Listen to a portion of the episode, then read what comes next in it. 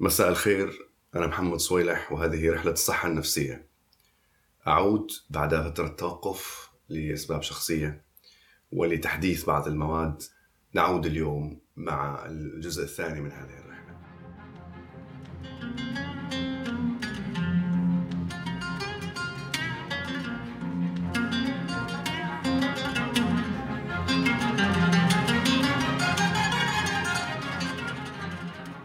الجزئية الماضية أو في الموسم الأول غطينا مجموعة من الاضطرابات النفسية. بعد ما مهدنا الطريق بالحديث عن تعريفات كانت مهمة للمرض النفسي والفرق بينه وبين العرض النفسي وما هو عصابي وما هو ذهاني وكيف أن الاضطرابات العصابية ما يزال الإنسان فيها موجود ومتصل بالواقع على عكس الاضطرابات الذهانية. ثم بدأنا الرحلة بالاضطرابات العصابية لأنها يمكن الأكثر انتشارا آه، بدأنا برحلة آه، الاكتئاب وهذا السجن المظلم ومررنا على مجموعة من الاضطرابات المتصلة بالقلق والخوف الاجتماعي وصولا إلى آه، الاضطرابات النفسية التي تعبر عن نفس عن عن نفسها وعن ذاتها بأعراض جسدية. حلقة اليوم تعتبر الحلقة الأولى في سلسلة جديدة عن الاضطرابات الذهانية وهي بس يعني عشان آه، أنعش ذاكرتكم مجموعة من الاضطرابات التي يكون في الغالب الشخص فيها غير متصل بالواقع. آه، وأول وأهم مرض يجب الحديث عنه في هذا في هذه الرحلة هو مرض الفصام أو الشيزوفرينيا أو بالأصح السكيزوفرينيا لأنه يعتبر هو أهم وأكثر هذه الأمراض شدة وانتشارا. بالنسبة لماهية الشيزوفرينيا أو السكيزوفرينيا آه فبعدين بتحدث عن أهم ملامحها وأعراضها آه اللي تميزها عن غيرها. بس خليني في هذه الجزئية كما نعمل عادة في حلقاتنا أركز اولا على الأشياء التي ليست من الشيزوفرينيا. سواء كانت أساطير أفكار خاطئة وصمات آه، يعني أفهام خاطئة مرتبطة بالمرض تصعب للأسف عملية التعامل معه آه، تشخيصه وعلاجه أو أيضا ربط الشيزوفرينيا بشكل خطأ باضطراب آخر وهو اضطراب تشظي الشخصية أو تعدد الشخصية. وهذا وابدأ بالثاني يعني آه، هذا الاضطراب أو تعدد الشخصية هو يعني نوع آخر من الاضطرابات الشخص يكون عنده أكثر من شخصية. آه، يعني يعني تتقلب أو يتقلب بين هذه الشخصيات. أشبه بفيلم هوليوودي مثلا. لكن آه، ربط هذا الاضطراب بالشيزوفرينيا بالذات عندنا في عالمنا العربي جاي أساسا من فهمنا للاسم خطأ. الاسم سكيزوفرينيا يترجم عربيا إلى فصام. فأصبح من الدارج جدا استعمال لفظة الفصام آه، لوصف الأشخاص المتناقضين أو ذوي الأوجه.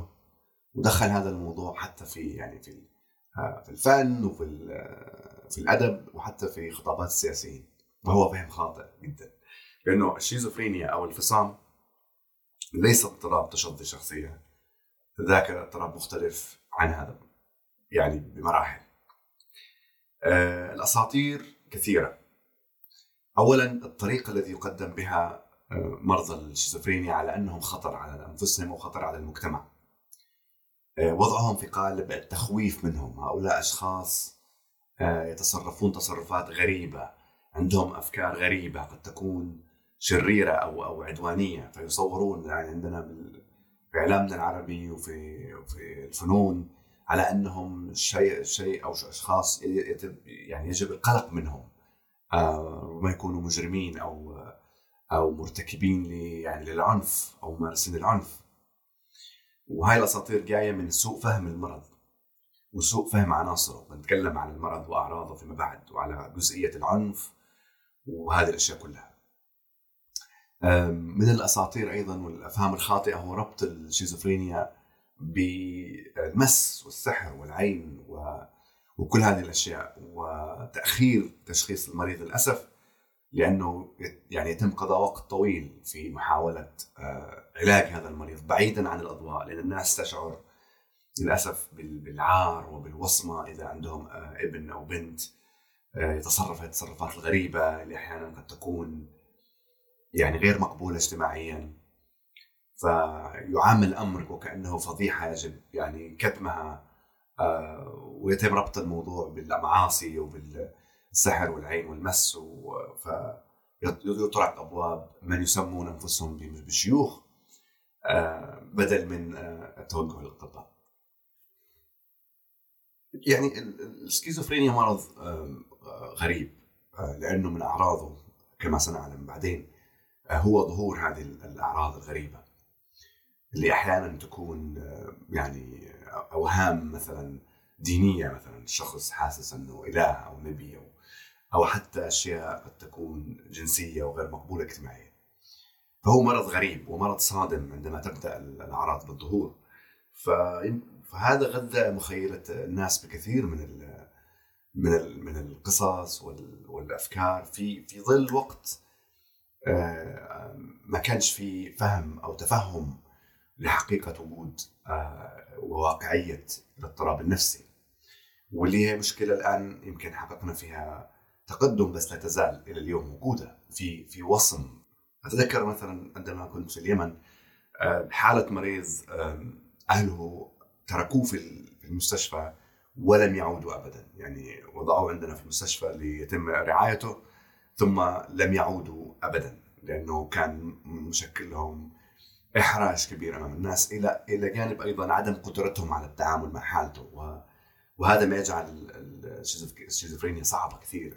يعني هو مش ألم آه، بتعطيه مثلا مسكن. هو اضطراب كامل في شخصية الإنسان الذي امامك يبدا يقول أشياء غريبة أو يتصرف بشكل غريب. آه، فيشكل صدمة للأهل اللي مش عارفين كيف يتعاملوا معه.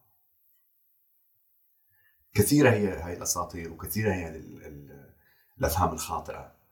آه، لكن الرسالة بسيطة وهي إن هذا اضطراب آه، عقلي ونفسي وله يعني علاج. بنتكلم عليه بعدين.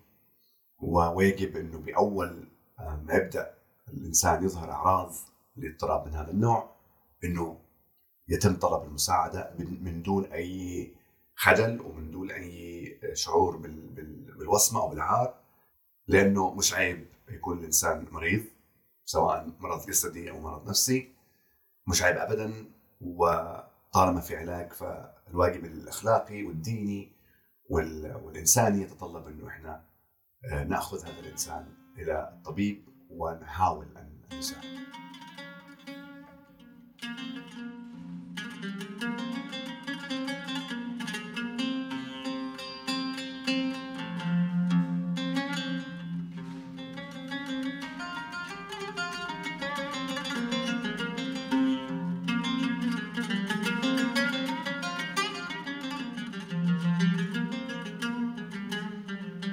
طيب ما هو هذا المرض؟ ما هي أعراض؟ قبل ما أعدد لك الأعراض اللي تنقسم إلى أعراض ظاهرة positive وأعراض سالبة negative بس خليني أخليك تتخيل نفسك مكان مريض السكيزوفرينيا. إيش ممكن تكون؟ إيش ممكن يكون يدور في عقلك الآن؟ إذا كان بنستخدم كلمة فصام أو انفصال خلينا نستخدمها في سياق غير سياق تشظي الشخصية اللي مش صحيح. خلينا نستخدمها في سياق انفصال هذا الشخص عن قدرته على التعبير عن أي شيء. تخيل إنه في قيد موضوع على الدماغ دماغ هذا الإنسان. وهذا القيد يعمل من اسمه تقييد لمجموعة من العمليات المهمة اللي الدماغ مسؤول عنها. هذا الشخص مش قادر يستخدم اللغة في التواصل لغته ملخبطة فيها الكثير من يعني تشتت وهي تعكس عملية تفكير مشتتة أصلا ثوت بروسيس مشتتة. في شتات في عملية التفكير وفي شتات في عملية التعبير من خلال الكلام. إذا في قيد في التعبير من خلال الكلام. كمان قيد في التعبير عن المشاعر سواء بالكلام أو بلغة الجسد. يعني يكفي أنك تشوف الإنسان أمامك وهو يتحدث إذا كان غاضب أو حزين يكون عندك فكرة ما هي الحالة الذهنية أو الشعورية لهذا الإنسان. هذا كمان يكون مفقود يكون في قيد بالإنجليزي يسموه الأفكت يكون في عليه قيد. أيضا أنت قد تكون أو كم أيضا يكون في قيد على عمليات التفكير بشكل عام العمليات المهمة في التفكير والإنجاز. تخيل إنك تكون شخص يعني ذكي ومنتج وما إلى ذلك وبعدين فجأة مش قادر يعني تحس عقلك مش مرن في عليه قيد مش قادر أنت تعمل الأشياء اللي كنت تعملها بسهولة. وهذه تحديدا شكوى شكا لي إياها مريض قابلته وكان عنده كثير طموح في في الحياة وبعدين قال لي إنه أنا خلاص يعني كان في في وقت تحسن أنا خلاص يعني أنا أنا دماغي توقف مع مش قادر أعمل الأشياء اللي كنت أعملها من قبل. أيضا قيد عن قدرتك على التفاعل الطبيعي الاجتماعي مع الناس. في في في مشكلة أنت مش قادر تتعامل مع الناس. وكمان قيد على قدرتك على التلمس الدنيا والاستمتاع فيها. يعني لو أعيدهم بسرعة قيد على قدرتك على التعبير بالكلام. كلامك مشتت مشوش مرتبط بعملية تفكير مشتتة أو مشوشة. آه قيد على التعبير عن مشاعرك بالكلام وباللغه الجسد وما إلى ذلك. الإفكت قيد على قدرتك على التفاعل أو التعامل مع الناس أو المجتمع. وقيد على القدرة على يعني التواصل مع الدنيا والاستمتاع بما بما فيها من أشياء. وزد على ذلك إنه أنت مش يعني هذه القيود موجودة وأنت في حالة أيضا من التشتت. يعني أنت زي ما قلنا هو مرض ذهاني يعني شخص منفصل عن الواقع. تحصل غصبا عنك آه، أو أو تخليك مش تخليك تفهم الوجود حواليك بشكل مختلف. طبعا هاي القيود اللي أنا شرحت لك إياها هي تسمى بال negative آه، symptoms أو الأعراض السالبة وهي أطول أمدا وأكثر قساوة ويعني وأصعب علاجا. هذه مثالها في الواقع الشخص الدرويش أو المجنون اللي في كل حي آه، في بعض البلاد العربية اللي بس موجود في عالمه الخاص آه، شخص مش مهتم لا بنظافته أو شيء وبس آه، طول اليوم يعني يقضي مثلا في التدخين وفي الذهن شارد والحديث مع نفسه. هذا أكثر مثال. هذه القيود شاغلة أو مسيطرة على دماغ الشخص لدرجة إنه ينسى وجوده في الواقع أو مش ينسى بمعنى النسيان أو يكون في حالة غياب عن الواقع. يعني خلاص لا عاد يهتم مثلا بأكله أو شربه أو صحته أو شيء. وذهنه مليان بهذه القيود مسيطرة عليه. ضيف على ذلك ال positive symptoms أو الأعراض الموجبة. هاي الأعراض الواضحة اللي كثير منا يعرفها واللي هي مادة لكثير من سوء الفهم. هاي الأعراض مثل التصرفات الغريبة البزار بيهيفير يعني مريض الانفصام ممكن يتصرف تصرفات غريبة كأن مثلا يسير في الشارع مثلا من دون ملابس. أو مثلا يعني في مريض من المرضى مثلا ذهب إلى موقع بناء كبير لمسجد وبدأ بالصراخ ويعني حاول ان يعمل مشكلة مع العمال.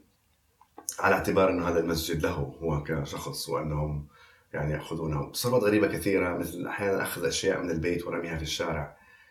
هاي التصرفات الغريبة تأخذ تأخذنا إلى واحد من أهم الأعراض اللي يعاني منها مريض الانفصام وهي ما يسمى بالأوهام. الأوهام اللي هي تعريفها هي الأفكار التي يؤمن بها هذا المريض بشكل قطعي وتكون أفكار غير موجودة في السياق العام غير موجودة في السياق المجتمع غريبة حتى للمجتمع اللي هو فيه ولها أنواع مثلا آه، اضطهادية آه، ولها أوهام اضطهادية أو أوهام دينية آه، وأوهام أخرى وأنواع كثيرة من الأوهام. مثالها في الأوهام الاضطهادية الشعور مثلا بأن الشخص هذا ملاحق من قبل مخابرات دولة أجنبية وأنه آه، مثلا حتى الأجهزة الإلكترونية حواليه تتصنت عليه أو تتسمع عليه. أو يبدأ الربط بشكل خاطئ بين أشياء مثلا آه، إذا شاف آه، إذا كان في مكان ما وشاف إشارة حمراء مثلا فورا هذه تولد عنده نوع من أفكار آه، يعني تشير إلى إلى ذاته إنه هو مستهدف أو أن هناك شيء سوف يحدث له. وتخيل كمية الضغط وال والستريس اللي تحس فيها إذا أنت مقتنع ومصدق لهذه الأفكار لأنه بالنسبة للمريض هذه أفكار حقيقية. من أشهر الأوهام أيضا الأوهام الدينية. كان يشعر المريض بدون سبب واضح بأنه آه، يعني آه، مثلا نبي أو إله أو شخصية مهمة جدا آه، ويكون مقتنع بهذا الشيء. أنواع الأوهام كثيرة بس تتسم بالغالب دائما بأنها إيمانيات قطعية عند المريض وبالغرابة دائما وهذه من الأعراض زي ما قلنا الموجبة أو الواضحة واللي اللي اللي نشوفها على عكس القيود اللي ذكرتها من شوية أو الأعراض السالبة. آه كمان من أهم الأعراض اللي يعاني منها مريض الفصام أو السكيزوفرينيا هي الهلاوس والهلوسة معناها إنه الهلوسه متعلقة بالحواس معناته إنه الشخص يرى أو يسمع أو يشعر بشيء آه غير موجود آه، في الواقع؟ يعني أغلبها في في سياق الفصام يكون سمعية آه، إنه يسمع أصوات. هذه الأصوات آه، ممكن يكون صوت أو أكثر ممكن تكون قادمة من خارج الشخص أو أو أو فقط يسمعها داخل رأسه. آه، ممكن يكون الصوت يتحدث إلى الشخص مباشرة. في كثير من المرضى الصوت هذا يكون على حسب يعني ظروف هذا المريض. الصوت هذا يكون ناقد وربما يتهم المريض بأشياء كثيرة أو يأمره حتى بأذية نفسه أو قتل نفسه. أوقات تكون أصوات أكثر من صوت فقط يسمعها المريض تتحدث عنه شخصيا. آه، باي مهما كان نوع هذا الحديث كثير من المرضى يكون هذا الحديث عبارة عن آه، ازدراء لهذا المريض أو أو يعني آه، توجيه اتهامات له. يعني هذه الأعراض الهلاوس والاوهام كأعراض موجبة آه، اللي تخلف أوقات عند المريض حالة من التوتر والقلق. إذا ربطتها أو إذا أضفتها للأعراض السالبة القيود اللي ذكرتها لك من قبل فتخيل أنت حجم أو كمية الصراع الموجود داخل عقل هذا المريض آه، اللي هو عقل مشتت بالكامل ويعني يتعامل مع أشياء هي مش سهلة خالص آه، ولا مفهومة من المحيط حوله. وكمان لازم أقول إنه آه، مريض الفصام ممكن ممكن يكون عنده تصرفات عدوانية نابعة من من آه، من مادة الأوهام والهلاوس ممكن تكون الهلاوس تأمره باذيه الآخرين أو إحساسه بالاضطهاد أو بالمتابعة أو بالمراء إنه في حد يراقبه أو يتتبعه يخليه يشعر بالخوف وربما يحمل آه، ذلك يحمله ذلك على تصرفات عدوانية. لكن بشكل عام المرضى الفصامين في أغلبهم لا يسمع أو أو لا يقوموا بسلوك نابع من هذه الأوهام أو أو الهلاوس وإنما آه، واللي هي مش بالضرورة دائما محتواها إنه عنف أو أو خطير على الآخرين بمعنى إنه أذيتهم بشكل مباشر. آه، لكن هو يتعامل معها لحاله. وكثير ما يكون هذا الشخص أيضا في حال آه، صعب نفسيا وستريس. ولهذا يكثر في عندهم التدخين مثلا. وزي ما شرحنا من قبل من كثر ما هذه الأفكار وكل هذا الذي يجري في رأسه آه هذا الشخص مش قادر يكون موجود أو متواجد معنا في الواقع. آه فينعكس عليه وينعكس على حياته وينعكس على عائلته اللي تعاني معه والمجتمع أيضا. الشيزوفرينيا آه، أو مرضى الشيزوفرينيا معروف إنه عندهم نسب انتحار عالية ربما للتخلص من هذا الجحيم اللي هم فيه. آه كمان بسبب إهمالهم لأنفسهم وصحتهم كثير ما تكون عندهم أمراض أخرى. يعني لازم انبه لنقطة إنه في في. في مثلا بالمصطلح العربي تفريق أحيانا بين الاضطراب والمرض وإنه السكيزوفرينيا هو اضطراب وليس مرض على أساس إنه كلمة مرض أو disease تحمل جانب من المعاناة أي أن المريض يعاني يعني الإخوان في مصر يقولوا عيان أعتقد إذا أنا مش غلطان على اعتبار أن الشخص هذا يعاني من آلام أو ما إلى ذلك وأنه هذا الجانب مش موجود آه، دائما في مثلا في الشيزوفرينيا آه، هذا الكلام صحيح إلى حد ما ولكن آه، هي هو شكل من أشكال المعاناة، اولا المريض الفصام لا ممكن هو يعاني يعني من كل هذا الشتات اللي تكلمنا عنه من كل مستويات الاسترس العالية اللي تخليه حتى يتخلص من حياته ويصل إلى هذا يتحول من شخص كان موجود معنا آه، يمكن يكون كمل دراسة وما ذلك إلى شخص مش قادر يتواجد في الواقع. آه، جزء من الأعراض السالبة أحيانا فعلا أنه يكون لأنه في قيد على قدرته على على المشاعر أو على التعبير عن المشاعر آه، يدخل في حالة من اللامبالاة. لكن هذا أنا برأيي شكل من أشكال المعاناة أيضا. لأنه إذا كان هذا أحد الأحبة أو الأصدقاء أو الأهل وانتقل من كونه إنسان كامل التواجد بالحياة و ويقوم بإنجازات هذه الحياة إلى أن يتحول إلى شخص مش قادر يحس بأي شيء أو يعني منفصل تماما عن العالم. آه، فهذه بحد ذاته آه، هي هي يعني خسارة كبيرة ومأساة كبرى للشخص نفسه اللي من حوله.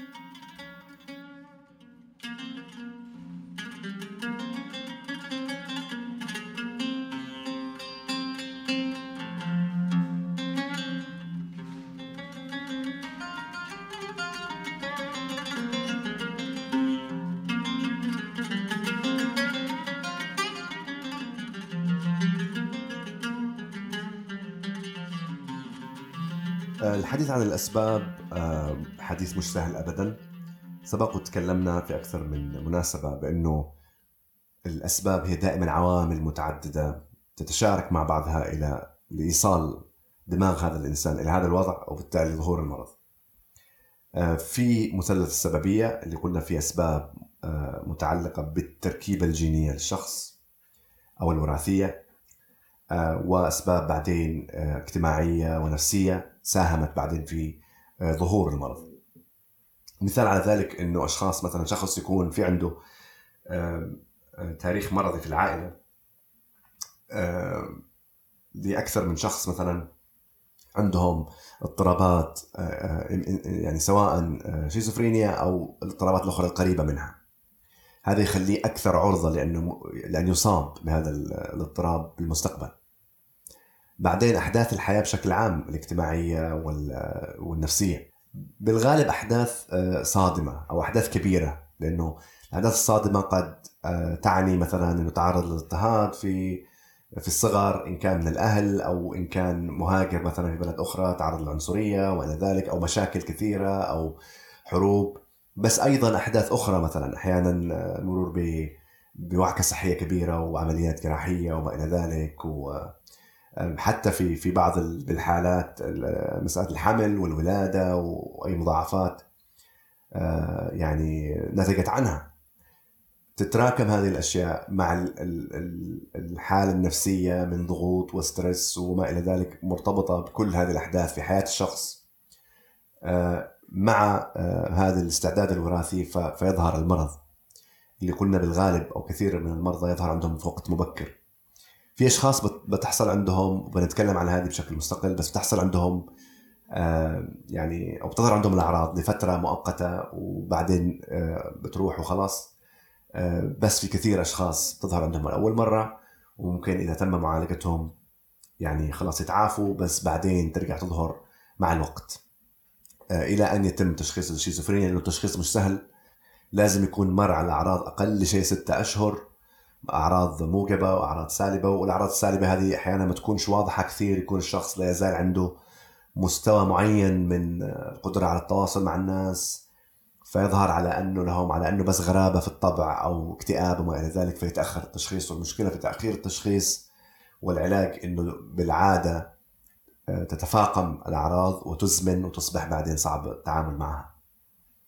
ولهذا الأسباب زي ما قلت في البداية هنا في هذه الفقرة مش سهلة هي مجموعة عوامل متداخلة كثيرة وتؤدي بالنهاية إلى إلى إلى إلى ظهور المرض. آه، بدأنا نفهم قليلا عن آه، تأثيرات مثلا أو الجينية والاستعداد الوراثي آه، وكمان عن العوامل النفسية والاجتماعية الصعبة اللي ممكن تساهم في ظهور المرض في هؤلاء الأشخاص ولهذا العمل عليها أو العمل مع هؤلاء الأشخاص يتطلب كل هذه الجوانب مع بعض زي ما بنشوف آه، بعدين بوسائل الإعلام.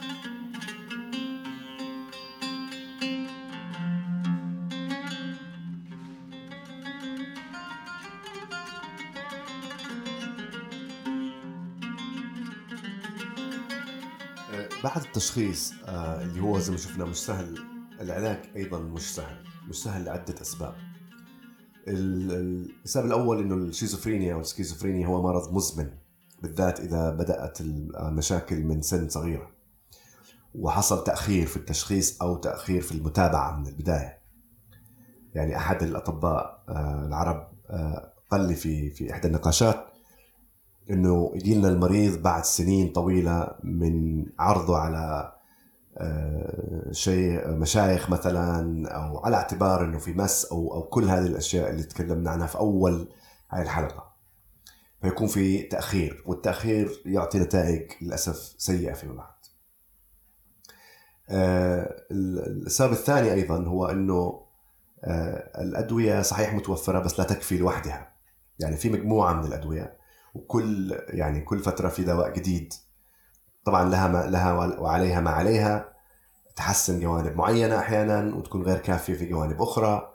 هذا إلى جانب الأعراض الجانبية اللي ممكن تخلي المريض يعني لا يلتزم لا يلتزم بها. بس الدواء لا يزال إلى هذه اللحظة للأسف هو يمكن آه، أهم عنصر في عناصر يعني العملية أو عملية ال- ال- العلاج للسكيزوفرينيا. والدواء يتعامل مع النواقل العصبية والمواد الكيميائية في الدماغ اللي وجد أنها تكون في حال يعني مش طبيعية في في السكيزوفرينيا. فالدواء آه، لحاله مش كافي لكن هو مركزي ودوره أساسي ومركزي.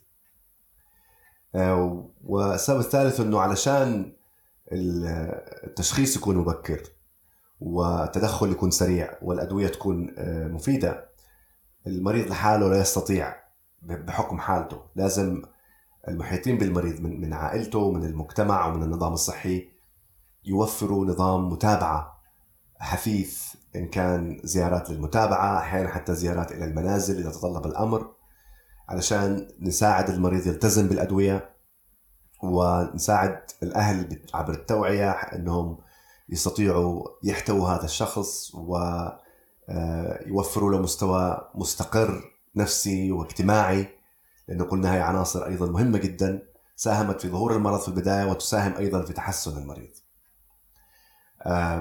فهذه الأسباب اللي ذكرتها تخلي من عملية العلاج عملية طويلة المدى وصعبة ومحتاجة إلى إلى م- إلى مجهود حقيقة أم، لأنه المريض معرض في أي لحظة إلى الانتكاس وربما يحتاج إلى يعني دخول المستشفى أكثر من أم، ولهذا لو بحاول أبسطها بقول إنه تشخيص سريع وهذا يتطلب مني ومنك إنه وهو هدف هذا البودكاست حقيقة اللي هو نشر الوعي والتفريق بين الأعراض والأمراض إنك آه، تستشف بسرعة وجود شيء آه، مش طبيعي أو غير صحيح ولا تتوانى ولا تتأخر عن طلب المساعدة سواء لنفسك أو لمن تعتقد من الذين حولك أنه ممكن يكون في عندهم مشكلة. آه، وبعد ذلك الالتزام بخطة دوائية مناسبة للمريض تتناسب مع احتياجاته مع أقل قدر ممكن من الأعراض الجانبية. من ثم خطة متابعة مع الطبيب آه، يعني زيارات آه، دورية آه، علشان آه، يتم يعني إعادة التقييم وتغيير الخطة حسب آه، المطلوب. أيضا آه، إلى جانب الدواء في أيضا العلاج النفسي العلاج النفسي للأسف دوره يمكن في الشيزوفرينيا مش كثير آه، واضح مثل آه، في اضطراب مثل الاكتئاب لكن هو مهم آه، ويعتمد على حالة المريض في وقتها ومدى استعداده ومدى التزامه بال- بالأدوية وما إلى ذلك تساعد هذا المريض بالذات لما يكون متحسن وفي وضع مستقر إنه يتعامل أيضا مع مع مشكلته مع مرضه المزمن. إذا استطعنا إنه نوفر هذا أو هذا المستوى من الرعاية فإنه بالغالب مريض ال- الشيزوفرينيا آه، سيعيش آه، أو يعني سيعيش في مستوى أكثر استقرارا. في كثير حالات يكون الاستقرار إلى حد كبير جدا آه، انه يبقى فقط بقايا للأعراض ويستطيع أن يمارس حياته أيضا. ولا ننسى إنه بجانب هذا الاهتمام بالصحة الصحة الجسدية لهؤلاء الأشخاص. يعني زي ما شرحت من قبل هم عرضة أكثر من غيرهم لأمراض الشرايين تصلب الشرايين ومشاكل الضغط ومشاكل القلب وما إلى ذلك بسبب التدخين وبسبب إهمالهم لصحتهم. لهذا المتابعة أيضا الطبية هي جزء لا يتجزأ من الخطة العلاجية. أنا عارف أنه آه، كثير منكم الآن ممكن يفكر أنه هذا يعني ممكن ما يكونش متوفر في كل مكان. وأنه آه، يعني في بعض بلادنا للأسف لا توجد الإمكانيات أنه جميع المرضى يحصلوا على هذا المستوى من الرعاية. بس اللي اللي اللي أقوله هنا أنه إحنا نستطيع نعمل عدة أشياء. آه، اولا آه، دائما نخلي عيننا عن على أنفسنا وعلى من نحب بالذات إذا في تاريخ مرضي بهذا المرض إنه نتدارك الموضوع من أوله لأنه بالغالب عندما يتم العلاج بشكل يعني مبكر فالنتائج تكون ممتازة جدا. أيضا الأدوية موجودة ومتوفرة وعندنا أخصائيين في الطب النفسي ومعالجين نفسيين موجودين أيضا. بنحتاج لهم ونستطيع إن إحنا آه، يعني آه، نطلب منهم المساعدة ونتابع معهم. أحيانا المتابعة ما بتكونش أسبوعية أو يومية وما إلى ذلك ممكن تكون كل كذا شهر. فتستطيع بالنهاية إنك تكون ولو خطة علاجية آه، إذا ما شملتش كل شيء ولكن تشمل أهم العناصر في الخطط في الخطة العلاجية لمساعدة هذا المريض اللي ممكن يكون أنت شخصيا أو يكون أحد قريب منك. آه، في الأخير أحب أقول أنه أشكركم مرة أخرى على رسائلكم. البعض تفقدني يعني في فترة غيابي. آه، لكن إن شاء الله الآن آه، رجعنا بهذه المجموعة من الحلقات اللي بتركز على الاضطرابات الذهانية بنتظر أسئلتكم ومشاركاتكم وحتى قصصكم على الإيميل البرنامج اللي هو psychiatry بالعربي at gmail.com وإلى أن نلتقي في الحلقة القادمة هذه تحياتي. شكرا لاستماعكم ومع السلامة.